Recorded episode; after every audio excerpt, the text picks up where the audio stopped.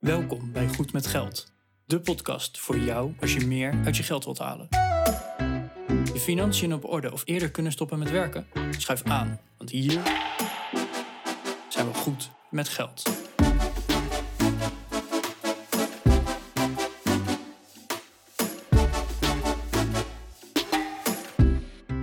aflevering 206 van de Goed met Geld podcast. Hey, Arjan hier en vandaag heb ik het samen met Bas ehm, en Marieke Ariens over het zijn van bewindvoerder. Marieke die is bewindvoerder geweest, heeft daarin haar eigen bedrijf gehad en komt in onze podcast vertellen hoe dat nou is. Hè? Voor wie is nou een bewindvoerder? Wat voor impact heeft het op je leven als je te maken krijgt met een bewindvoerder? Ehm, hoe wordt zo'n traject afgesloten? Wordt het wel afgesloten? En Marieke is ondertussen gestopt. Zij kijkt dus ook nog even terug van, ja, hoe kijkt ze er nu naar? Want ze is 12,5 jaar bewindvoerder geweest, maar haar blik is ook wel een beetje veranderd. En natuurlijk geeft ze ook gewoon tips aan jou als luisteraar. Hoe voorkom je nou dat je onder bewind wordt gesteld? Maar ook, hoe kijkt ze naar het systeem? Wat zou daar eventueel veranderd moeten worden? Nou, uh, genoeg om over te praten. Het is een wat lange aflevering, dus uh, lukt het niet in één keer, dan zou ik zeker hem gewoon in twee keer luisteren. Uh, wil je meer informatie? Dat kan natuurlijk. Uh, de show notes van vandaag vind je op goedmetgeldpodcast.nl slash 206.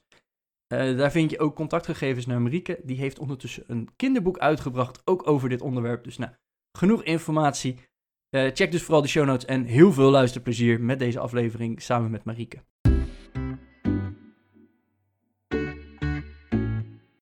Goedemorgen Arjan. Hey, goedemorgen Bas. Bas, vandaag in de studio een gast. We zijn met z'n drieën. Uh, we hebben namelijk Marieke Ariens uh, te gast. ik hoop dat ik het goed zeg, want er staan puntjes boven de E.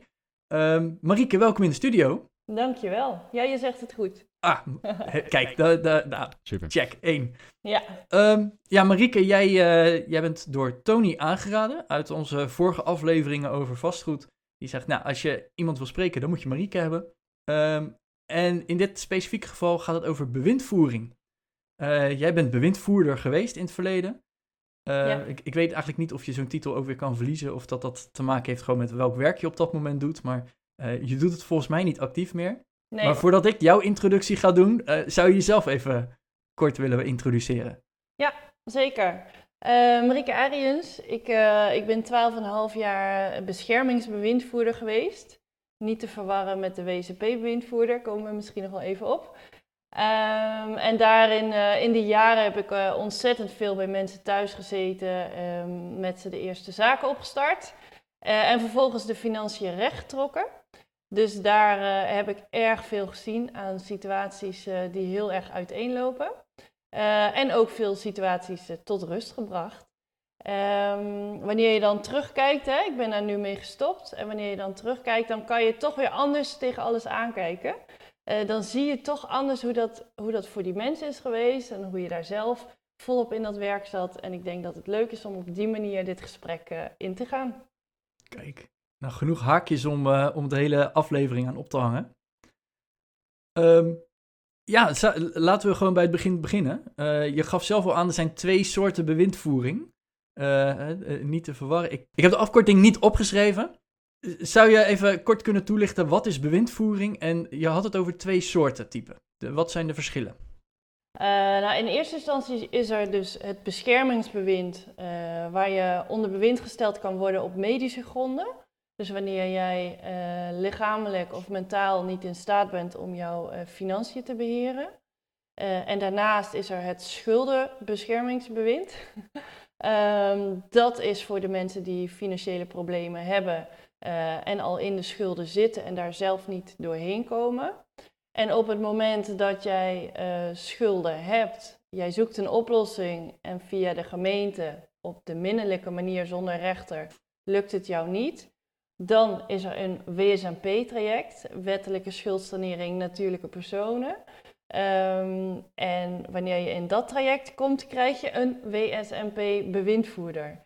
En dat is uh, voor veel mensen in het begin vaak verwarrend. Oké, okay, en uh, voor onze beeldvorming, uh, in welke sector ben jij actief geweest? In het beschermingsbewind.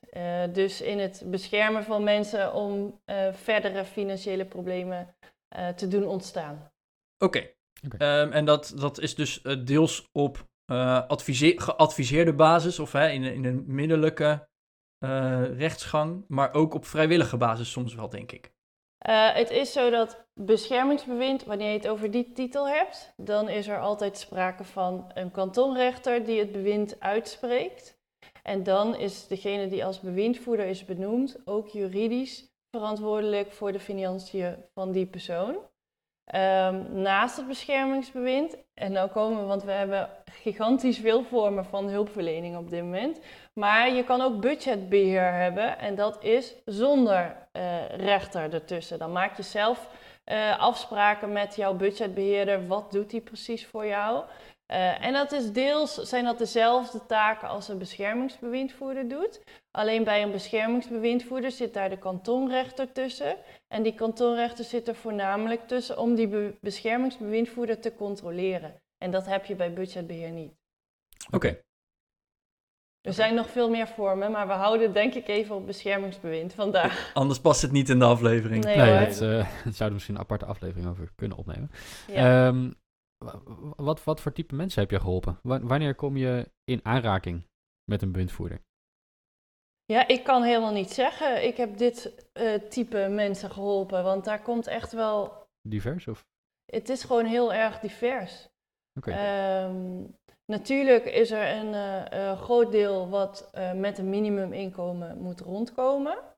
Want dan is het ook veel moeilijker om niet in de problemen te raken. Ehm, er is natuurlijk sprake in enkele gevallen van zware verslavingsproblemen, maar ook van wat minder zware problemen kun je al behoorlijk wegzakken. Ehm, maar er zijn ook mensen die als internationaal vrachtwagenchauffeur bijvoorbeeld de boel niet meer in de gaten hebben kunnen houden, omdat ze gewoon maar eens in de drie weken thuis zijn. Ehm, mensen die gewoon echt wel veel werken, maar tegelijkertijd veel uitgeven. Mhm. Ehm, mensen die in de bijstand zitten, mensen die, eh, hè, jongeren met een waaijong-uitkering, mensen met inderdaad een lichamelijke handicap eh, of eh, met ehm, minder begaafdheid, waardoor je ehm, het niet begrijpt en niet overziet. Mhm. Ehm, je hebt mensen die eh, vanuit de culturele achtergrond, hè, dus op het moment dat jij bijvoorbeeld de taal niet, niet voldoende machtig bent, en dan heb ik het over omdat je een andere moedertaal hebt, maar tegelijkertijd ook over hè, wanneer je als analfabeet je leven bent gestart en dat eigenlijk nog steeds niet onder controle hebt. Mhm. Maar ook eh, mensen die vanuit eh, hun ouders en heel hun familie eigenlijk, waarbij iedereen in een uitkering eh, leeft en eigenlijk geen, geen andere uitzichten heeft, die niet veel anders gezien hebben in hun leven dan dat. Ehm, ja, en dan heb je nog gevallen van ondernemers die failliet zijn gegaan. En die op die manier ook bij je komen, omdat dan op dat moment ook privé alles te veel is. Dus ik kan niet zeggen van dit of dit is het geweest. Nee, van alles. Lijkt me wel interessant om met zoveel diverse eh, situaties. Eh, zeker. En dan heb je natuurlijk, eh, je hebt jaarlijks of twee keer per jaar heb je een gesprek met mensen thuis. En verder gaat dat telefonisch. En elke keer schakel je als bewindvoerder eigenlijk, althans is mijn ervaring, mee met de cliënt die je op dat moment aan de telefoon hebt. Hmm. Want ieder moet je toch wel op een net iets andere manier benaderen en je uitleg geven. Omdat je vooral een vertrouwensband wil opbouwen waarmee je echt kan werken. En dat gaat natuurlijk niet op het moment dat jij steeds op jouw eigen stellige manier jouw informatie blijft eh, zenden. Nee, jij wil niet de boeman zijn die zegt dit mag wel of dit mag niet. Eh, jij wil juist eh, met die mensen meedenken, neem ik aan. Ja, Eh, van hé, hey, hoe kunnen we het, het maximale er wel uithalen, bijvoorbeeld? Ja. Hoe kunnen we het, het, het maximaal haalbare wel realiseren? ja ook omdat ehm, op, het, op het eerste moment dat jij eh, eh, te maken krijgt met financiële problemen, dan, dan neemt jouw stresslevel en zo enorm toe. Er zijn mensen die al hele lange tijd in die problemen leven, echt elke dag mee leven. Die hebben vaak ook al eh, de nodige ervaringen met hulpverlening, met ambtenaren, met eh, coaches. Met, en dan, je moet daar altijd doorheen. Om, om, om, hè, je moet eigenlijk eerst laten zien, nou ik kom mijn afspraken na. dit is wat we gaan doen, heel duidelijk. Steeds wanneer iets niet kan, want je moet heel regelmatig nee zeggen. Toch wel toelichten waarom dat voor hun uiteindelijk beter is. En dan na een periode van minstens zes maanden, dan kom je er doorheen en dan beginnen ze te vertrouwen. En dan begint het makkelijker te werken. Maar dat is in het begin niet zo. En toch wil je dat wel creëren. Want volgens mij werkt een beschermingsbewind waarin je inderdaad alleen maar zegt kan wel of kan niet zonder uitleg en zonder toelichting, werkt dat heel moeilijk. Ja. Hey, en je hebt het over het begin, de eerste zes maanden, maar als we nou echt naar dag één kijken van zo'n beschermingsbewind, hoe, hoe begint dat dan? Ben je al in contact met die mensen of eh, word jij door een kantonrechter eh, ingeschakeld? Hoe, hoe gaat zoiets in zijn werk? Kan je zo'n dag eens beschrijven? Ja, dat zijn, dat zijn ook weer verschillende manieren waarop mensen bij mij tere- terecht kunnen komen. Dus die kunnen eh, uit zichzelf komen, dat ze hebben gezocht en in de buurt een kantoor hebben gevonden en je gewoon een keer bellen om te vragen hoe, hoe dat, dat gaat. Eh, regelmatig is er al maatschappelijk werk ehm, betrokken die doorverwijzen. Dus die zitten dan naast iemand aan de telefoon en dan heb je een eerste gesprekje. Eh, soms zijn mensen eerst bij gemeente terechtgekomen en de gemeente heeft gesignaleerd: oh, dit gaat deze persoon op dit moment niet lukken in deze fase van zijn leven om bijvoorbeeld een schuldhulptraject door te lopen. Dus dan verwijst de gemeente naar me door, samen met de cliënt. Uh, of inderdaad de kantonrechter uh, uh, wijst toe, maar dan is er vaak sprake van een eerdere bewindvoerder die het niet goed heeft gedaan of die er niet goed uit is gekomen. Ja. Um, en dan bellen ze um, hè, of sturen een mailtje. en dan vertel je wat er, wat er gaat gebeuren, wat, wat er kan verwachten en hoe, hoe je zelf werkt. Hè. Lijkt me ook altijd goed om te vertellen hoe je zelf je vak uitvoert. Hmm. Um, en dan begint het helaas met een eerste intakeformulier. Waarbij wij altijd zeiden van nou, vul zoveel in als je kan en dan komt er een intakegesprek en dan verzamelen we de rest wel. Want veel mensen die haken daar al gewoon op vast. Ja, want wat staat er dan op zo'n formulier? Wat, wat voor gegevens of informatie moeten mensen geven? Nou, naast je NAW-gegevens uh, um, volgt daar echt een enorme lijst. Wat je als bewindvoerder moet verzamelen om je werk goed te kunnen doen. Dus alle inkomsten en alle uitgaven. Uh, alle schulden, de bankrekeningen die er zijn. Uh, kinderen uh, die in huis wonen of waarvoor je nog verantwoordelijk bent. Um, bezittingen die je hebt, zoals auto's, scooters, sieraden, alles wat nog van waarde is. alles rondom jouw woongegevens natuurlijk, je hypotheek of je huur, wat dan onder de vaste lasten valt. Um, ja, en daarnaast uh, je verleden of je in aanraking bent geweest met justitie, want dat is weer bepalend voor een vervolgtraject. Ja, dat gaat heel ver. En al die stapjes aan zich kunnen mensen misschien wel, maar alles bij elkaar, dat is... Het is vooral de waslijst die dan als een berg uh, ontstaat. Ja, ja. oké. Okay. Ja, ja. En uh, dan heb je zo'n vragenlijst. Waar begin jij dan? Als ik uh, bijvoorbeeld uh, bij een intakegesprek uh, kom, ja. dan begin ik niet met die vragen. Zo, maar meneer Jansen, wat is uw naam? Dan, ja, nee, dat, dat is niet de tactiek. Ja. ja, nee, je moet natuurlijk, je moet mensen gewoon wel ook willen leren kennen even. omdat je er dan ook achter kan komen wat de reden is waarom ze erin zitten. Um, en dat gaat veel makkelijker in een gesprek dan wanneer zij op een formulier moeten invullen wat de oorzaak is. Ja. Want mensen weten dat zelf, die zien dat zelf niet altijd even scherp. Ligt, dan leggen ze het soms buiten zichzelf. Hè? Uh, uh, helemaal in het begin noemden mensen nog heel vaak, het komt door de euro dat ik in de schulden ben terechtgekomen. Oh ja.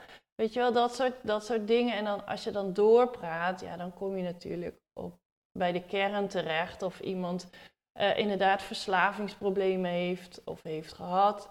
Uh, of iemand uh, aan overbesteding doet omdat ze het gewoon niet in de gaten hebben of omdat ze heel marketinggevoelig zijn. Hmm. bij alles wat er in ons leven op één dag voorbij komt. En zo zijn er gewoon wel een aantal redenen waardoor je in de schulden kan komen. En het is gewoon als bewindvoerder fijn om daar wel achter te komen. Ja, dat, daarvoor heb je gesprekjes nodig. Ja. Ja, mensen leren kennen. Ja, en ik, ik kan me voorstellen dat het best wel lastig is. Ik, ik zit in mijn werk, uh, kom ik ook veel bij klanten, maar die willen vaak, uh, ja, die willen vaak dat we langskomen om iets voor ze te maken. Ja. Um, ik kan me voorstellen dat uh, in, in het werk voor jou als bewindvoerder, heel persoonlijk is. Het, het komt heel dicht bij iemand. Zeker als er al problemen zijn. Mhm. Hoe, hoe bouw je zo'n band op? Hoe, hoe zorg je ervoor dat dat vertrouwen ontstaat dat ze, eh, ja, dat, dat ze zich openstellen? Dat lijkt me zo lastig. Ja, ik, ik denk een deel is dat hoe jij van nature als mens opereert. Eh, voor een deel kun je het aanleren, want op dit moment zijn er ook eh, mobility mentoring en allemaal theorieën over hoe je mensen eerst het vertrouwen kan geven voordat je echt aan de slag gaat. Mhm. Ik denk dat het voor mij het belangrijkste was om mensen het gevoel te geven van eh, enige rust. Zo van ik neem het van jou over en ik ga het voor jou oplossen. Kijk, daar kunnen, kan niemand meteen geloven. Hè? Al- Als ik dat tegen iemand zeg, ja, het zal wel. Nou ja, daar heb je dan dus die maanden daarna voor nodig om dat aan te tonen dat je het gaat verbeteren voor ze. Mhm. Eh, en daarnaast, en dat is ook meteen iets voor iedereen die dit hoort en die misschien op dit moment wel met beginnende problemen zit, of al met verdere problemen, of iemand die iemand kent die ver in de problemen zit. Het begint wel met het gevoel en ergens een vormpje en ergens een geloof en vertrouwen dat het voor jou mogelijk is om uit die problemen te komen. En dat is eigenlijk de kern steeds geweest van mijn eerste gesprekken. Dat, Hmm. dat het ook voor hun mogelijk is. Ook al heb je al een traject van 7, 8 jaar achter je liggen waarin het nooit gelukt is. Het is in Nederland mogelijk, Mhm. als je de juiste begeleiding en de juiste eh, personen treft, om uit die problemen te komen. En ook als jij zelf nog steeds die capaciteit hebt om het op te lossen, hè, als je dan maar de juiste structuur hebt. Het kan. Want er zijn echt heel veel mensen die, die zien zichzelf wel ergens wegzakken, alhoewel dat heel geleidelijk gaat. Eh, maar die ehm, verliezen op een gegeven moment het gevoel dat ze er nog iets aan kunnen doen. En dat vond ik vaak het belangrijkste in die eerste gesprekken. Naast het Ja. verzamelen van zoveel mogelijk papieren uit kasten en uit plastic tassen en uit dozen en een keer uit de oven. En, eh, ja. Ja, ik kan me wel voorstellen dat het, in, dat het inzicht brengen en het eh, structuur aanbrengen, dat dat een belangrijk onderdeel is van, van de oplossing, of niet? Uiteraard, voor iedereen. Kijk, we moeten het allemaal, hè? Iedereen moet zorgen dat hij de boel op orde heeft. En niemand heeft daar, tenminste, ik, ik kan mezelf niet voorstellen dat je daar plezier in hebt. Niemand heeft daar, doet dat, denkt echt voor zijn lol van zo, nou ga ik lekker een avondje de boel op orde brengen. Maar het moet wel. We moeten het Mhm. allemaal doen, want het gaat niet vanzelf. En dat is het moeilijke. Kijk, als jij hè, de, de wat rijkere deel van Nederland, die kan daar ook een accountant en een boekhouder voor inschakelen. En dan denk je, nou, ik bel mijn boekhouder even, hoe zat dat nou ook alweer? En, eh, Of Hmm. moet ik iets met deze brief? Maar de meeste mensen moeten dat natuurlijk zelf op zien te lossen. En als je dan eigenlijk al niet zo goed weet wat er in die brief staat, dan wordt, wordt dat gewoon moeilijk. En dan neemt de, de lol, voor zover die er al was, natuurlijk steeds verder af. Ja. Tot Ja. je er eigenlijk niet in gelooft. En, en, en naast het weer op orde brengen van zulke zaken, het inzichtelijk brengen van schulden, van inkomsten, uitgaven, dat soort zaken. Wat voor, wat voor taken en verantwoordelijkheden heb je dan nog meer als bewindvoerder? Eh, nou, op zich gaat dat, gaat, dat, gaat dat best wel ver hoor. Want ehm, je staat als bewindvoerder juridisch gezien naast de cliënt. Je hebt geen extra bevoegdheden ten opzichte van instanties, eh, belastingdienst. Zorgen dat die toeslagen allemaal juist worden uitbetaald. Mhm. Daar moet je als bewindvoerder ook gigantisch bovenop zitten. Ja. Je moet zorgen dat die inkomsten op orde zijn en dat ze krijgen waar ze recht op hebben. En natuurlijk niet te veel, zodat er niet achteraf een terugvordering komt. Oh ja. Maar als je dan bedenkt dat je dat voor honderden mensen in de gaten moet houden, dat is, dat is behoorlijk veel. Ehm, dus da, da- ja, die verantwoordelijkheden die liggen toch eigenlijk echt wel eh, ver ten opzichte van de juridische eh, eh, grondslag die je hebt als bewindvoerder. En daarom zijn die structuren dan natuurlijk heel erg belangrijk. Ja, daarnaast, op het moment dat er ehm, bijvoorbeeld een loonbeslag gelegd wordt, moet je wel ook in de gaten houden of dat beslag terechtgelegd is. Dus je hebt ook nog vaak een controlerende functie naar instanties om een cliënt heen. Ja, dus eigenlijk een, een beschermende factor eh, voor Ja. de cliënt. In dit geval. Absoluut. Ja, nou ja, zorgen dat ze natuurlijk eh, voldoende leefgeld en op een duidelijk moment eh, in de week, eh, dat daar niks misgaat. Niet in het banksysteem, niet in de, het hoeveelheid geld wat op een rekening staat. Eh, kijk, als iemand eh, in een winkel staat en die kan eh, als verrassing eh, geen boodschappen meer doen, en het gebeurt, het is echt een hele nare ervaring. Het is echt wel een klein trauma wat je dan even oploopt. Hmm. Ja. Ehm, dus die verantwoordelijkheid, ja, ja, ik heb die zelf echt eh, heel zwaar gevoeld altijd. Het is ook een van de redenen dat ik heb besloten om dat even niet meer te willen, eh, dat werk. Omdat ik echt vind dat je dan behoorlijk verantwoordelijk bent voor het reilen en zeilen eh, in een huishouden. Ja. Ja. Ja.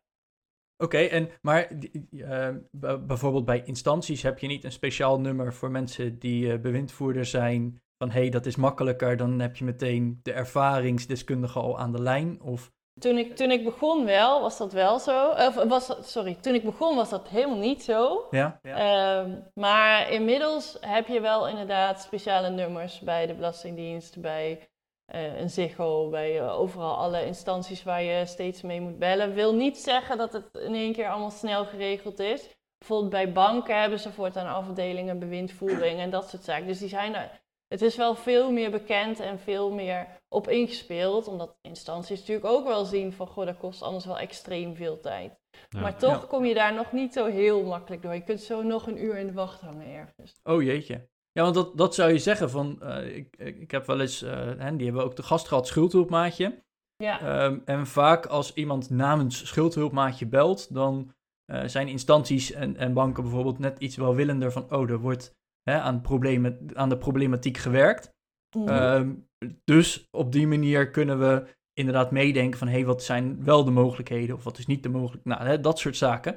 Eh, Mhm. en- en merkt je dat dan als bewindvoerder wel, dat, je, dat er meer met je meegedacht werd, omdat er wel aan de problemen gewerkt werd? Eh, ja, enerzijds zeker wel, maar anderzijds bracht het beschermingsbewind vaak ook weer wat extra werk voor die instanties mee. Zitten mensen ook weer niet op te wachten, dus dat was een beetje dubbel. Dat werkte e- voor mijn gevoel echt niet altijd zo, dat mensen dachten, oh fijn, er wordt wat gedaan. Ja, oké. Nou, daar, daar komen we denk ik eh, zo misschien nog wel even op terug. Ik, eh, ik, ik ben daar ook wel benieuwd naar. Ehm, maar we hebben het nu heel erg over hè, wat, wat houdt je taak in en hoe, hoe komt het tot stand. Zou je eens een, een situatie kunnen delen? Hè? De- het liefst volledig geanonimiseerd, want het is niet dat jouw cliënten moeten terug horen, hey, dit was ik. Alleen maar volledig ge- geanonimiseerd. Ja, ja, eigenlijk wel. Maar zou, zou je eens kunnen, een, een verhaal kunnen delen dat onze luisteraars echt een, een idee krijgen van, oh shit, dit was er dus aan de hand. En Hmm. eh, hè, misschien herkennen ze zo'n situatie wel in de omgeving of bij zichzelf. Mhm. Waardoor ze toch over de streep gehaald wordt om zo'n beschermingsbewind in te schakelen. Ja, zeker. Ehm, even denken hoor, want ja, nou, schieten er nou heel veel situaties eh, door, mijn, eh, door mijn hoofd. Ga ik even eentje kiezen. Er was een, sowieso op het moment dat je dus bij een beschermingsbewindvoerder komt en je, en je hebt te maken met schulden, hè, dus wanneer het een schuldenbewind eh, is, dan is dat vaak al best wel ver heen. Dus niet in de beginfase. Nee, het is niet dat je 2000 euro eh, betalingsachterstand ergens hebt en daar stopt het. Nee, precies. Nee, precies. Aan, aan welke orde van grootte moeten we denken? Wat is het 30? Is het 50? Is het 100.000 ja, euro? Tussen de, tussen de 30 en de 40 eh, eh, is volgens mij een gemiddelde waarop mensen uiteindelijk bij hulp terechtkomen. Best wel fors al, hè? Ja, bij mij was de, was de topper wel had een miljoen euro schuld. Zo. Ja. En even voor de, voor de beeldvorming, dat is niet een hypotheek waar de rente voor anderhalf procent eh, 20 jaar vaststaat. Dat zijn, eh, dat zijn wat meer problematische schulden, neem ik aan. Nee, de hypotheken die vallen in principe in de vaste lasten, tenzij dat er echt betalingsachterstanden in Ja, de ja. aflossing zijn en in de rente. Ja. Eh, nee, dit wa- waren echt wel andere eh, problemen. Dus eh, dan zou je bijna bij de eh, afdeling eh, fraude terechtkomen. komen. Mhm. Eh, tegelijkertijd zijn dat dan toch ook mensen die nog steeds leven en nog iets met hun leven willen doen. Hè? En ook opnieuw zouden willen, willen beginnen. Eh, nou, Mhm. als ik dan over, op dit geval door, op deze situatie doorga, dat was een eh, eh, alleenstaande man die sowieso niet heel veel hulp om zich heen had. Hè? Dus niet heel veel mensen die met hem meedachten. Eh, een slimme man met een, eh, met, een, eh, met een goede baan ook, maar met een achtergrond waarbij mij nooit helemaal duidelijk is geworden wat daar nou precies had afgespeeld. Mhm. Ehm, en deze man die begon, even kijken, volgens mij woonde hij in het begin bij zijn ouders. Eh, later is hij wel weer zelf gaan wonen eh, op, een, eh, op een camping. Hè. Daar komen natuurlijk ook veel mensen terecht op het moment dat je niet meer regulier kan wonen. Mhm.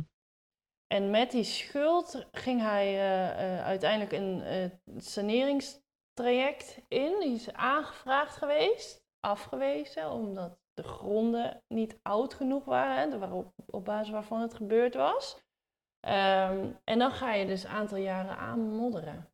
Dus Hm. probeer je met Belastingdienst en probeer je eh, eh, regelingen te treffen om de boel in ieder geval heel rustig te houden. En hij probeerde zijn baan te behouden, ondanks alles wat daar eh, omheen gebeurde. En, en dat is hem uiteindelijk gelukt met een aantal wisselingen, omdat er dan steeds weer iets niet goed ging. Mhm. Ehm, en uiteindelijk hebben we, maar dan spreek je dus echt gewoon over dat hij acht jaar of zo bij mij was. En uiteindelijk is er een regeling tot stand gekomen. En is het gelukt om eh, zijn schulden te saneren. En toen is hij daarna nog een hele tijd gebleven om weer spaarsaldo op te bouwen. En uiteindelijk is hij het zelf gaan doen. Dus dat is, een, eh, eh, dat is wel dan een situatie waarin er iets niet klopte in de manier waarop die schulden zijn ontstaan. Ja. Maar ook dan is het dus met heel veel jaren is het gelukt om het eh, traject eh, goed te beëindigen. Als je het dan hebt over eh, maar ja, nou ja, mensen die toch gewend zijn om in de bijstand te zitten, hè, ha- had ik één dame ehm, die heel vriendelijk en heel loyaal en heel makkelijk ook meebewoog met alles wat er nodig was om het beschermingsbewind op te starten. Eh, maar die eigenlijk wel precies deed wat ze zelf wilde. Dus ze zei tegen mij wel van, oh ja, nee, dat is goed, dat gaan we doen en ik begrijp het en ik heb dat nodig. En, en dan gebeurde er eh, non-stop, keer op keer gebeurden er dingen. Een kind eh, eh, ehm, eh, die thuis kwam wonen zonder dat ik het wist. Daarna woonde er opeens een vriend in met een flink salaris, waardoor de uitkering weer stopte. Oh ja. Op een gegeven moment is er een hennep, plant- eh, hennep in haar schuurtje ontdekt. Terwijl ik haar net in de schuldsanering had. Eh, en toen viel ook uiteindelijk toch pas het kwartje dat dat masker wat zij eh, toch wel ophield. Van dat het allemaal wel goed kwam, dat dat, niet- dat, dat niet, eh, niet klopt. En dat zij juist ontzettend beïnvloedbaar was door Hmm. haar nabije omgeving. En ook als je op haar een beetje druk zette, dan zei ze gewoon ja en dan lachte ze weer. En dan zag ze wel hoe het gebeurde. Ja. Eh, en, en dat, is, eh, ja, dat zijn trajecten. Ik denk dat, dat ik haar me- de hele periode begeleid heb. Wauw. Ja. Kijken, ja, uiteindelijk is zij ook in de wettelijke schuldsanering gekomen. Maar dan pas echt na die jaren die ervoor staan. zo. Dat zijn hele, want er zijn vaak ook kinderen bij betrokken. Dat is echt wel heel erg eh, eh, intensief. Ja. Ja, en ju- juist omdat je gelijk staat aan die persoon, eh, Mhm. maar je kan niet de keuzes maken voor die persoon. En eh, Nee. dat is dus inderdaad die band van, hé, hey, er komt weer iemand thuis wonen, of er gaat iemand uit huis, of eh, toevallig heb ik een wietplantage in mijn schuur. Want dat levert een paar tientjes extra op. Dat zijn wel de dingen waarvan jij als bewindvoerder dan inderdaad zegt: hey, dat is niet heel handig, of laat het mij op zijn minst weten. Eh, behalve die wietplantage, denk ik. Dat, ja.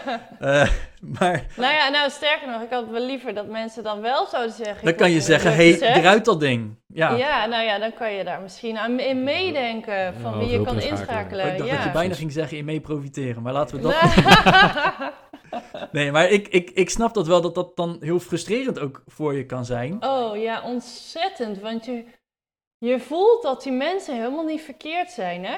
Je weet, Nee, je, de gesprekken ook. En je voelt dat die helemaal geen verkeerde intenties hebben. En je zou denken, iemand met een wietplantage, dat is, zit niet snor. Vanuit een oppervlakkige manier. Maar dit is helemaal niet zo. Die mensen willen ook heel graag gewoon een fijn en rustig, gezellig leven. En dan komen ze weer met mensen in aanraking waarvan je denkt, ja, jezus. Die, die zijn eigenlijk gewoon te, te goed voor de maatschappij. Of de, de maatschappij is net te snel en te moeilijk. Ja, of mensen die wat, na- wat naïef zijn of zo. Ja. Het is dat laatste. Ja, ja. Ik, vind het, ik vind het altijd heel moeilijk, want aan de ene kant ben ik echt wel eh, absoluut een gelover in, eh, in vrije wil en eh, zelf je keuzes kunnen maken. En eh, mensen maken verkeerde keuzes, maar je kunt ook pech hebben. Mhm. Eh, ik ben er voor mezelf nog niet helemaal uit waar succes of falen nou vandaan komt. Ehm, of dat goede dingen doen is of dat het mazzel hebben is. Ja, nee, ik herken dat wel. Ik herken dat wel. Want ik, ik herken dat zeker in die zin dat je ook echt, als je de levensverhalen hoort, ook echt, eh, zeg maar, van heel diep snapt waarom iemand dan nu hier staat. Ja. Ja. Omdat er ook nooit iets vanzelf is gegaan. En dat er Nee. ook nooit de kansen zijn geweest zoals ik ze zelf in mijn leven heb gehad. Nou ja, precies. Ja. En, en, en dat je dan. Dat we dan als maatschappij eh, eh, kijken van. Ah, want, want dat is wel echt geweest in de laatste tig jaar. Dat we als maatschappij konden kijken, ja, eh, eigen schuld, dikke bult, je moet op de blaren zitten, moet je maar. Maar het is vaak niet een kwestie van niet, niet willen, maar het is echt vaak een kwestie van het niet kunnen. Het niet, Mhm. inderdaad, het niet kunnen weerstaan van verleidingen en het niet eh, kunnen organiseren van de administratie en het niet om kunnen gaan met al die regels. het, het inzien van de gevolgen van, van bepaalde dingen, inderdaad. Ja. Ja, Ja. ja. heel, dat is zo sterk. En dan denk ik, ja, ik vind dat vaak zo'n. Ja, nou ja, ik voelde daar vaak echt eh, wel een beetje verdriet bij. Dat ik dacht, ja, joh, eigenlijk wil je het wel. Maar het is gewoon allemaal te moeilijk en te Ja. snel en te veel. En, en als je dan nu terugkijkt, want je hebt er 12,5 jaar actief in gewerkt en dat, dat doe je dus niet meer. Als je daar nu op terugkijkt, eh, hoe, hoe reflecteer je dat dan op, op bijvoorbeeld jouw handelen? Zou je dingen anders hebben gedaan, maar ook op het systeem van bewindvoering? Eh, ja, ik heb daar wel veel gedachten over, inderdaad. Ik denk dat. ehm, ik denk dat we in Nederland heel veel mensen hebben met supergoeie bedoelingen en intenties, waaronder ik zelf eh, eh, ook zo daarin sta. Eh, maar dat we wel een systeem hebben gecreëerd wat zich best wel heeft vastgedraaid. Want die systemen zijn echt bedacht door de mensen die niet in die situaties hebben gezeten. En die zijn volstrekt onlogisch voor de mensen die er wel in zitten. Die, die hebben daar. Natuurlijk worden er mensen geholpen en uit de schulden getrokken en met bewindvoering geholpen, met, met de schuldhulpmaatjes. Op allerlei manieren worden de mensen geholpen en toch is er nog steeds een topje van de ijsberg. Ja. En dan denk ik toch met terugwerkende kracht is dat systeem, die, die voorschotten die wij gebouwd hebben, eh, die voorschottensystemen die we gebouwd hebben, de hoeveelheid uitzonderingen die overal op zijn. Het, het is, we hebben wel een maatschappij gecreëerd die eigenlijk te moeilijk is voor een groot deel van de samenleving. En dan is het niet meer alleen eigen schuld, dikke bult. En we hebben daar denk- zelf ook last van als maatschappij. Het kost ook heel veel. Ja, ik denk dat het een combinatie is van, eh, van systeemoorzaken, zoals jij ze noemt. We, hebben een heel Ja. complex eh, fiscaal stelsel bijvoorbeeld. Eh, Ja. waardoor mensen niet weten waar ze recht op hebben, of denken ergens recht op te hebben, of op dit moment ergens recht op hebben en straks niet meer worden ze moeten terugbetalen. Nou, dat, dat is heel complex.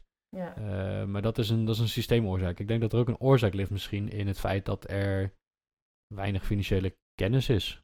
Of dat er Ja. een mindset ontbreekt om, om je schouders eronder te zetten en, en een keer wat uit te gaan zoeken en wat te gaan doen.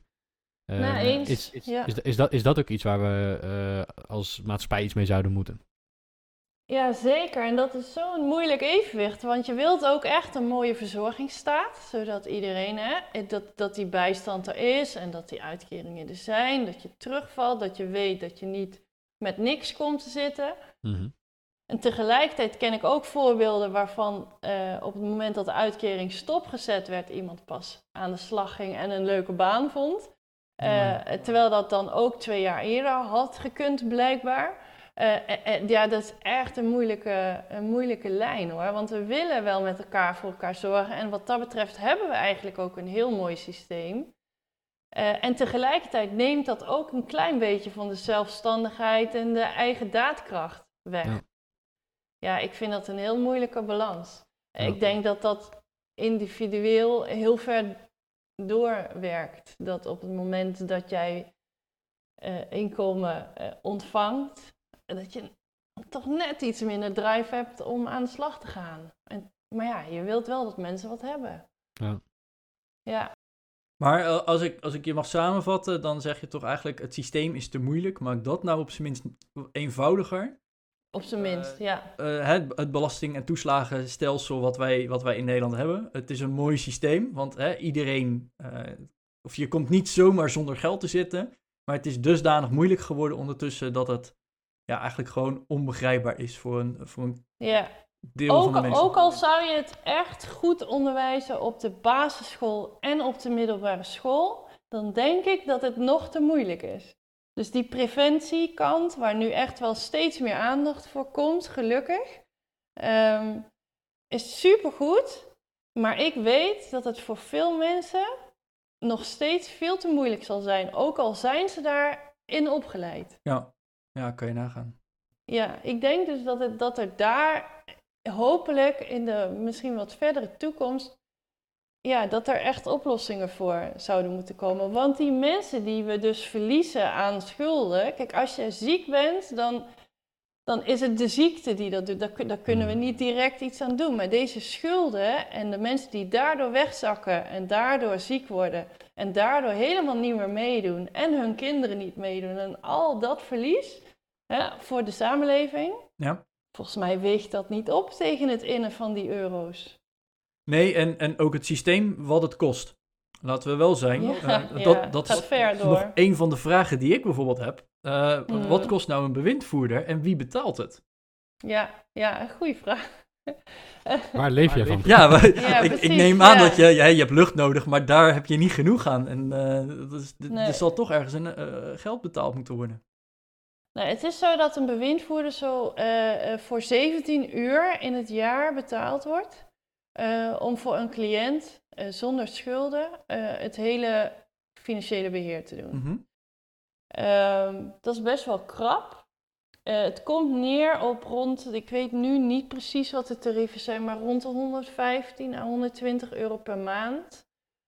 die je dan krijgt voor een cliënt om al die zaken te doen. En dat betaalt de overheid? Of waar, waar komt dat geld vandaan? Ook dat eh, verschilt weer, want op het moment dat jij eh, eh, op bijstandsniveau leeft, dan kun je daar bijzondere bijstand voor aanvragen bij de gemeente. Ja. Dan betaalt de gemeente dat. Eh, op het moment dat jij meer inkomen hebt, dan, dan kan het zijn dat je nog een deel eh, bijzondere bijstand krijgt. En anders ga je dat zelf betalen. Oké. Dus dan moet dat uit dat budget. En dat is natuurlijk moeilijk. Nou wordt er bijvoorbeeld in de beslagvrije voet volgens mij inmiddels wel gecorrigeerd op die kosten. Eh, eh, waardoor die dan extra vrij eh, blijven ten opzichte van een beslag. Maar het, een deel betaalt dus de samenleving aan kosten via de bijzondere bijstand. Dat is gewoon belastinggeld. En een deel voor de mensen die draagkracht hebben, betalen dat zelf. Oké. Ja, En daar heb je dus 17 uur per jaar voor. ja, En ja. dat, het eerste jaar is, is dat niet genoeg, lijkt me. Sowieso. Nee, eh, en dan zegt, eh, zeggen ze vanuit de overheid, zeggen ze ja, dan moet je als bewindvoerder je klantenbestand maar goed verdelen. Oké, In- interessante gedachte. Fair enough. ja, ja. ik, ik, ik, zou ik zou rekenen in mijn achterhoofd met dat je gewoon een eh, iets lager uurtarief hebt. En dan, dan kan het wel uit. Ja, precies. Nou ja, weet je, ik, ik was zelfstandige en ik had eh, drie medewerkers die eh, ook als bewindvoerder werkten. Oké. En daar kan je dan, ik kan dan zelf mijn grenzen stellen en denken, nou, met dit, voor dit inkomen doe ik het ook. En, en Mhm. ik vond het altijd echt prima wat ik verdiende in het begin. Helemaal niet hoor. Ik heb ook jaren, ik heb ook een tijd gewerkt, dan verdiende ik minder dan de bijstand. Maar goed, ik kwam nog wel uit, ik woonde goed en zo. Eh, dus ik wist precies waar, eh, eh, waar die mensen het dan eh, over hadden. En later ging ik meer verdienen naarmate het eh steeg. En dan kon, je, kon ik zelf nog zeggen van jongens, maar we moeten gewoon wel die kwaliteit blijven waarborgen. Wij gaan gewoon niet meedoen met dat wat bij de grotere organisaties gebeurt. eh, eerst de kwantiteit en dan de kwaliteit. Ja. Mhm. Ook omdat wij ook dan veel kwetsbaarder waren. Mensen konden ons natuurlijk ook, als het, als het heel vaak misgaat in jouw dossier. Stel, jij staat onder bewind bij een bewindvoerder. Die is nauwelijks bereikbaar. Er gaat heel veel mis. Regelmatig heb je geen leefgeld. Je ziet niks aan die schulden gebeuren. Word je dan boos of denk je dan, nou het zal wel? Nee, je wordt, ik zou echt heel boos worden. Ja. Mhm. Hè? En, en er ga- gaat wel eens wat mis. En als jij steeds meer mis laat gaan als bewindvoerder, ja, dan heb je ook weer veel meer kans dat mensen echt heel boos worden. En dan kunnen er hele nare dingen gebeuren. Dus ook als klein kantoor heb ik dat ook altijd willen voorkomen, dat we in zulke situaties zouden komen. is ook bijna niet voorgekomen. Maar het kon natuurlijk wel gebeuren. En dan sta jij als bewindvoerder ook maar tegenover iemand die, Ja. die echt alle woede op jou gaat. Ja, en dan sta je dus eigenlijk meteen 1-0 achter. Eh, in, in dat geval, want hè, er komt nog emotie bij kijken en, en dat soort zaken. Ja. Dus dat maakt het wel Ja. lastig. Ja, en die emotie, kijk, want ook in die eerste zes maanden kregen we heel. Ik, ik heb echt wel heel veel ja, scheldpartijen en ook af en toe bedreiging over me heen gehad. En ik ben zelf als persoon heel zacht, dus ik heb daar altijd moeite mee gehad. Ik heb dat nooit weg kunnen zetten. Mhm. Maar ik heb het wel altijd begrepen van die mensen. Ja. Ik denk, ja, hè, je leven zit ook zo vast. Ik snap het ook gewoon. Ja. Alleen ja, ik vond het dan wel jammer als ik dan de bliksemafleider was. Maar ik snap, ik snap het wel. Ik zou zelf ook gigantisch gefrustreerd zijn. Ja. Hey, om, om aan de preventieve kant eens te, te kijken. Eh, hè, want jij hebt gezien hoe, wat er gebeurt op het moment dat het al mis is. Eh, wat, wat zou jij dan zeggen van, hey, doe nou in ieder geval dit om te voorkomen dat je, dat je in, de, in de shit raakt. En natuurlijk, dat kan niet altijd. En eh, soms heb je gewoon met een bewindvoerder te maken. Stel, ik krijg nu een ongeluk, raak bewusteloos en ligt de komende tien jaar in coma. Dan eh, Mhm. gok ik dat er ook iets van een bewindvoerder komt. Maar Mhm. stel nou, het gaat gewoon goed, ik blijf gezond. Ehm, wat, wat zouden we dan moeten doen om het te voorkomen? Eh, en we gaan straks nog iets gelaagder naar een, een wat heftigere situatie natuurlijk. Ja, nou wat ik, wat ik denk ehm, is dat we eh, allemaal hele drukke en leuke en fantastische levens eh, zouden willen leiden, maar dat we allemaal, iedereen stuk voor stuk, aandacht moeten besteden aan geld. Eh, aan je geldzaken en aan je administratie, hoe saai en hoe vervelend het ook is. Dus ten eerste is het dus die aandacht op jouw geldzaken hebben, elke week eigenlijk. En vervolgens voor jezelf rustig en eerlijk gaan zitten en erkennen waar jouw zwakke punten liggen. Ik ben zelf eh, best wel ontvankelijk voor marketingdingen en ik weet dat ik mezelf daarvoor moet beschermen. Dus dat ik niet te veel eh, in de stad moet rondhangen en dingen, want dan Ja. kan Ja. ik eh, dingen uitgeven. Maar kijk naar jezelf eerlijk van waar liggen mijn zwakke punten? Lukt het mij gewoon niet om mijn administratie goed bij te houden? Wat kan ik dan doen om te zorgen dat dat wel goed in orde is, zodat ik daar ook gewoon de rust over heb? Moet ik dan iemand inschakelen? Welk bedrag wil ik daar kwijt voor zijn? Iedereen kan zijn eigen zwakke punten afdekken Ja. Mhm. op een bepaalde manier. En de eerste stap daarin is eerlijk zijn in waar jij wel of niet sterk in bent. En waar jij gewoon wat aandacht nodig hebt. En op het moment dat je dat weet, daar ook naar handelen, voordat jij het gevoel krijgt dat je de grip verliest. Ja. En de gripverlies gaat best snel. Ja, eens. Maar dus inderdaad, ken je zwakke plekken. eh, en Ja. als je dus niet zo eh, geordend en geadministreerd bent, dan kan je... Er zijn apps genoeg om het, om het zelf eens überhaupt te proberen. Ik, ik denk aan... eh, Of tenminste, ik denk in ieder geval dat try and error hier ook wel werkt. Probeer het op zijn minst. En als het Ja, niet werkt, probeer het dan op een Ja. andere manier. Het, het Ja. ontvankelijk zijn van marketing... eh, je hebt genoeg nee-ja-stickers of nee-nee-stickers... dat je in ieder geval de papieren bundel niet in je bus krijgt. Eh, Ja, hè, ja. En, en ja, misschien iets minder Facebook of een adblocker. Maar hè, al dat soort gekke dingen, eh, probeer Ja. het Mhm. en kijk eens of het werkt. Ik denk dat inderdaad Ja. dat dat eh, een mooi is. Ja, bescherm jezelf. Ja. Ja, maar stel nou dat het, dat het toch niet lekker loopt of je krijgt opeens een onverwachte rekening. Het gaat, het gaat de, s- de verkeerde kant op. Mhm. Eh, wat, waar, waar zou je dan op in kunnen grijpen? Want dan, hè, dan heb je die zwakke plekken al proberen te, te elimineren, maar dat is niet helemaal gelukt. Gaat toch de verkeerde kant op. Mhm. Eh, ik denk dat het dan goed is om met mensen erover over te praten. Dus op het moment dat jij goed bent in je administratie en je ziet het misgaan, ga met iemand kijken door jouw budget heen van goh, waar kan je dan schrappen om weer te gaan besparen? Want dat zie je vaak zelf niet. Het lijkt allemaal noodzakelijk. Ja. Ehm, vind ik voor mezelf net zo goed hoor. Dus eh, ik, ik heb daar ook echt geen oordeel over, want ik vind het zelf net zo moeilijk. Eh, en op het moment dat jij eh, niet je, je administratie geordend hebt en je weet niet waar jouw gaten zitten, waar het geld naar buiten gaat zonder dat het nodig is, Mhm. dan is er bijvoorbeeld een budgetcoach die één of twee keer met jou mee kan kijken, of zo'n schuldhulpmaatje. Ehm, en op het moment dat je niet geneigd bent om hulp te vragen, want ook dat doe ik zelf ook niet zo snel. En ik Nee. word ook niet gelukkig van een gemeente of een, sterker nog, ik word daar heel ongelukkig van Als ik zou denken dat ik daar mijn eigen hebben en houden op tafel moet gooien. Ja. Ja. Eh, dan heb je ook eh, online trainingen. Ik heb zelf iets ontwikkeld. Het Nibud heeft nu een eh, eh, online training waarbij je eventjes je administratie stap voor stap doorloopt. Dan kun je dus ook op die manier vanuit je eigen huis aan de slag. Maar als je maar in de actie komt en niet makkelijk denkt, oh dan eh, komt dat met mijn vakantiegeld weer. Want met jouw vakantiegeld over eh, eh, drie kwart jaar is er misschien wel weer iets anders urgents nodig. Eh, nu moet je maandbudget op orde zijn, elke maand eigenlijk. Ja, dus eigenlijk ook gewoon nu handelen in plaats eh, het nog even afwachten en aansudderen. Ja, en dat bedoelde ik ook net met die aandacht voor jouw geldzaken. Eh, het is zo makkelijk om dat dan maar weer even naar de achterkant van je hoofd te verplaatsen. En denken van, oh ja, maar eerst komt eh, Sinterklaas en kerstmis. En dan begin ik wel in januari. Ja, hoezo? Je kan ook vandaag gaan zitten. Ja. Oké. En eh, als laatste, er zijn problemen. Het, hè, er gaat standaard meer uit dan erin. Of er zijn schulden, schuldeisers. Op welk moment zeg je van, ga nou die hulp vragen? Jij zegt in, in de vorige situatie eigenlijk al, ga hulp vragen.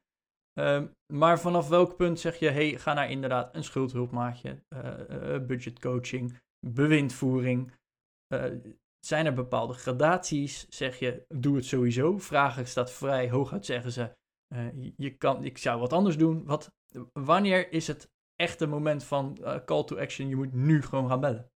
Ja, wanneer, jij, eh, ehm, wanneer het jou niet zelf lukt om regelingen te treffen met achterstanden, en dat kan zijn één maand huur, hè? Als je dan net niet, als je dan 20 euro per maand over hebt aan speling en die kun je aflossen aan je huur, dan ben je al vrij lang bezig. Ja. Dus dan zou het op dat moment al heel goed zijn om iemand mee te laten kijken naar jouw maandbudget, om te kijken of er meer ruimte te creëren is. Tegelijkertijd kan jij 10.000 euro schuld hebben en daar 300 euro eh, per maand op afbetalen en je daar heel rustig bij voelen. Kijk, dan is het goed.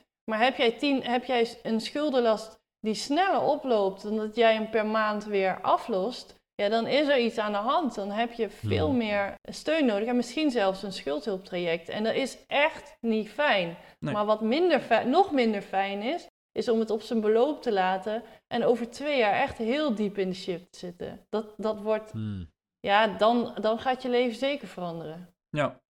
Ik denk inderdaad hier van hè, hoe eerder je aan de bel trekt en hoe eerder je de stappen onderneemt, hoe minder zwaar het traject eh, is. Ja, en ook voor jongeren, ook voor mensen die, hè, die eigenlijk nog maar net begonnen zijn, bijvoorbeeld met een studieschuld zitten. Mhm.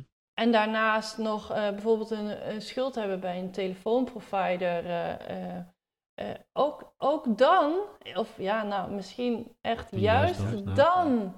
Kie, hè, zorg dat je het op de rit hebt, dat je ziet waar jij staat, zodat jij ook de juiste keuzes kan maken waar je gaat werken. Wil je meer verdienen, ga je voor je idealen. Weet je, dit zijn toch wel dingen waar heel veel van die eh, mensen die aan het eind van hun studie of het begin van hun werkende leven nu tegenaan zitten. Ja. Eerst het inzicht en dan ook een plan maken. En lukt het jou niet om dat plan te maken, eh, ja, trek aan de bel. Er zijn, er zijn echt heel veel vormen van hulpverlening. Eigenlijk voor ieder wat wils. Ja, heb je, heb je dan ook een locatie van, hey, kijk op die website of eh, waar zou je mensen heen sturen? Ja, in dat geval is wel de gemeente de eerste, het eerste punt om op te zoeken.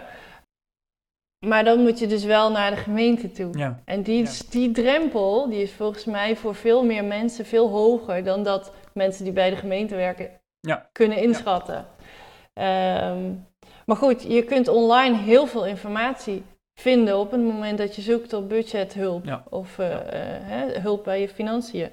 Want je hebt ook een, eh, een aantal apps die jou online verder kunnen helpen als je daar handig mee bent, wat de meeste jongeren natuurlijk wel zijn. Ja.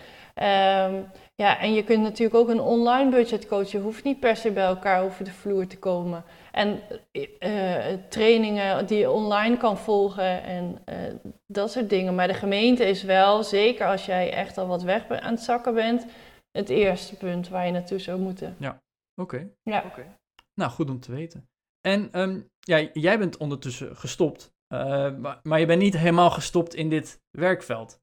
Eh, zou, zou, voordat we aan onze vijf vragen gaan beginnen, zou je iets over, je- over je nieuwe werkveld kunnen vertellen? Wat doe je nu en eh, hè, waar zouden mensen bijvoorbeeld jou kunnen vinden? Ja, nou om te beginnen heb ik eh, eh, in de tijd dat ik dus als bewindvoerder bij mensen over de vloer kwam. En ik vond dat op dat moment best wel ingrijpend, maar al, toen ik later gestopt was en terug kon kijken, vond ik het nog met terugwerkende kracht wat ingrijpender. Dat die gezinnen zo vastzitten. Mhm. En dat daar altijd kinderen, eh, of vaak kinderen bij betrokken zijn, die eigenlijk net zo vastzitten. Ja. Die ook dat voorbeeld krijgen, eh, die ook die beperkingen eh, in hun levens ervaren. eh, ehm, en dat vind ik heel jammer. Dus ik heb dat op een gegeven moment van een andere kant willen bekijken. Toen heb ik een kinderboek geschreven over eh, kinderen die opgroeien in een gezin met schulden. En dan benoem ik daarin. eh, ja, ja ik, het komt morgen uit toevallig, maar ehm, eh, dan benoem ik daarin echte situaties die echt voorkomen eh, in Nederland. En tegelijkertijd gaat het over een kind met heel veel fantasie en die ook op een fantasierijke manier een oplossing zoekt om haar, in dit geval moeder, eh, te helpen, omdat ze haar moeder terug wil. En dat is het. Die, heel veel kinderen die, ze hebben natuurlijk minder spullen, dus ze ervaren zelf eh, zeker ook schaamte en kleding eh, is anders. En je hoort nu natuurlijk veel over ontbijten op school. Ja. Maar tegelijkertijd, wat je niet moet onderschatten, is dat die ouders mentaal afwezig zijn. Want als jij in die schuldensituatie zit en die stress, tegelijkertijd wil je nog steeds het beste voor je kind, voor je kinderen, ook voor hun toekomst. En je kan het ze niet bieden en die kinderen die voelen dat. En vaak in gesprekken eh, zaten kinderen gewoon op de bank en die zaten mij dan vaak bijna non-stop aan te kijken. En dan, ik, ja, daar voel je Ja. wat bij en daar Ja. wilde ik nog wat, bij, wat mee. Dus nou, vandaar dit, eh, dit kinderboek, Jubeldag heet het. Oké, hij komt in de show notes. We zullen een linkje opnemen naar het boek eh, in, de, in de show notes van vandaag. Dus dan eh, Ja, kom je, je... zei, je zei hij komt morgen uit. We nemen dit op eh, 1 december op. Dus 2 december is het uitgekomen. Dus op het moment dat je luistert naar deze aflevering, dan is het boek gewoon te koop. Ja. Ja, nou super fijn. Eh, en daarnaast ben ik bezig met het bouwen van een online platform. Dat heet Power Up for Women. Eh, en dat is bedoeld voor ehm, vrouwen die werken bijvoorbeeld in de zorg of eh, in de schoonmaakbranche. Die, dat, zijn mensen die eh, heel erg de samenleving overeind houden, maar die zelf toch vaak tegen dit soort problemen aanlopen. En onze trainingen, mijn afdeling gaat natuurlijk over persoonlijke financiën. Dus de ene training heet financiële rust, hoe je dat voor jezelf creëert, met welk inkomen dan ook. Eh, en de andere heet eh, schulden. En dat is om zelf te beginnen met een oplossing naar jouw schulden. En het kan zijn dat je natuurlijk door moet naar schuldhulp, maar dan wordt dat in die trainingen duidelijk en dan geef ik je daarin ook de juiste stappen. En het eh, belangrijkste in die trainingen vind ik dat we heel veel aandacht hebben voor het mentale deel. Waarom jij in de schulden zit, hoe je je daarbij voelt, wat jij nou precies tegenhoudt en wat jouw drempels zijn en jouw valkuilen naar de toekomst. Mhm. Dus om jezelf te versterken eh, vanaf je eigen keukentafel. eh, waarbij ik dan ook wel heel vaak aangeef dat op het moment dat het niet lukt, waar ze dan voor hulp kunnen aankloppen en wat mensen dan kunnen verwachten. Ja. Ehm, de andere twee mensen met wie ik deze organisatie opzet, die hebben dezelfde kennis als ik, maar dan op het gebied van voeding en op energiebalans. Dus zij gaan op dezelfde manier die trainingen bouwen. En voor de lange termijn hopen wij dat dit een heel toegankelijk platform wordt voor mensen die eh, niet direct hulp willen vragen, maar wel met zichzelf aan de slag willen. Ja, oké. eh, eh, website is powerupforwomen.com. En dan voor is het, het viertje. We nemen natuurlijk ook gewoon een linkje op in de show notes. Eh, Dus hè, ben je, eh, beste luisteraar, ben je hier benieuwd naar? eh, check vooral even deze website. Om inderdaad hè, de, de drempel te verlagen naar een eerste stap eh, die gezet moet worden. Ja. Ik denk dat dat eh, het, het belangrijkste is. Ja, want ik geloof ook wel in een sterke individu en niet in een. Ja, ik geloof wel in een sterke overheid, maar ik denk niet dat de overheid alles kan oplossen. Dus we moeten echt weer zelf aan de slag. Oké. Dat lijkt me, ook, eh, lijkt me ook heel goed. Ja. Dan is het tijd voor de vijf vragen. We sluiten ook het interview af met eh, wat meer persoonlijke vragen. We hebben het net gehad over een eh, eh, wat meer een inhoudelijk onderwerp, niet zozeer over jouw eigen ervaringen. Maar we vinden het Mhm. altijd leuk om eh, een eh, gast toch te vragen naar ja, de eigen financiële ervaringen. En traditioneel begint Arjan met de eerste vraag. Ja, dus Marieke, wat is jouw grootste financiële blunder? Daar ben ik dan wel heel benieuwd naar als, als bewindvoerder. Ja, ik had er natuurlijk even over na kunnen denken. En eigenlijk is het het leukste wat ik kan vertellen, is dat ik dat al heel jong heb geleerd. Ik ben best verslavingsgevoelig. En mijn vader had dat al vrij snel in de smiezen. Mhm. En wij gingen altijd samen dammen. En op een gegeven moment is mijn vader dat met geld gaan doen. Een voorbeeldje is dat ik destijds altijd al als de kermis geweest was, weer guldens ging sparen, zodat ik daar kon gaan gokken. En dan ging ik het hele jaar door sparen om op de kermis te Ja. gokken. Ja. En mijn vader die, die, die heeft dat altijd al gezien en misschien heeft hij het zelf ook wel een klein beetje. En met dat dammen liet hij mij op een gegeven moment mijn zakgeld inzetten. En toen zei hij van, eh, ja, nu is je zakgeld op, wat ga je dan nu doen? Ja, dat wist ik niet. Hij zei, ja, je kan voor volgende week alvast inzetten. En toen heb ik ook voor een half jaar heb ik mijn zakgeld ingezet. Alles kwijt, want mijn eh, nou ja, ik kan helemaal niet winnen met dammen van mijn vader, nog steeds niet. Maar ik heb daar heel erg veel van geleerd. Want ik heb dat zakgeld ook niet gekregen. ja, Dat is wel een... eh, hoe, hoe, hoe oud was je toen? Ik denk een jaar of eh, acht. Dat is best een pijnlijke les eh, die je toen had geleerd. Het is ook echt best wel hard. ja maar, Maar ik, ik denk aan de wel. andere kant wel een, een hele mooie les. eh, want hè, het kost je dan een half jaar zakgeld op je achtste. Dat is heel frustrerend, eh, maar overkomelijk. Eh, en Ja, Mhm. beter, dan een half, beter dan een half jaar salaris als je 25 bent. Ja. Bijvoorbeeld, hè? eh, en, Ja. en verslaving, Ja. is, eh, psychologisch gezien, wordt er heel erg op je ingespeeld. Eh, Ja. Dus dat kan je maar beter van jezelf weten. Ja. Ja, dus dat zit altijd in mijn achterhoofd. Dus ik denk zeker dat het me behoed heeft voor... Ja. Je grootste financiële blunder was een half jaar zakgeld inzetten met dammen. Die hebben we nog niet eerder gehoord. Nee, geloof ik. Dat geloof ik. Nice, nice. Ja, Wat is iets dat je eh, nu kunt, dat je vijf jaar geleden had willen kunnen? eh, afstand nemen.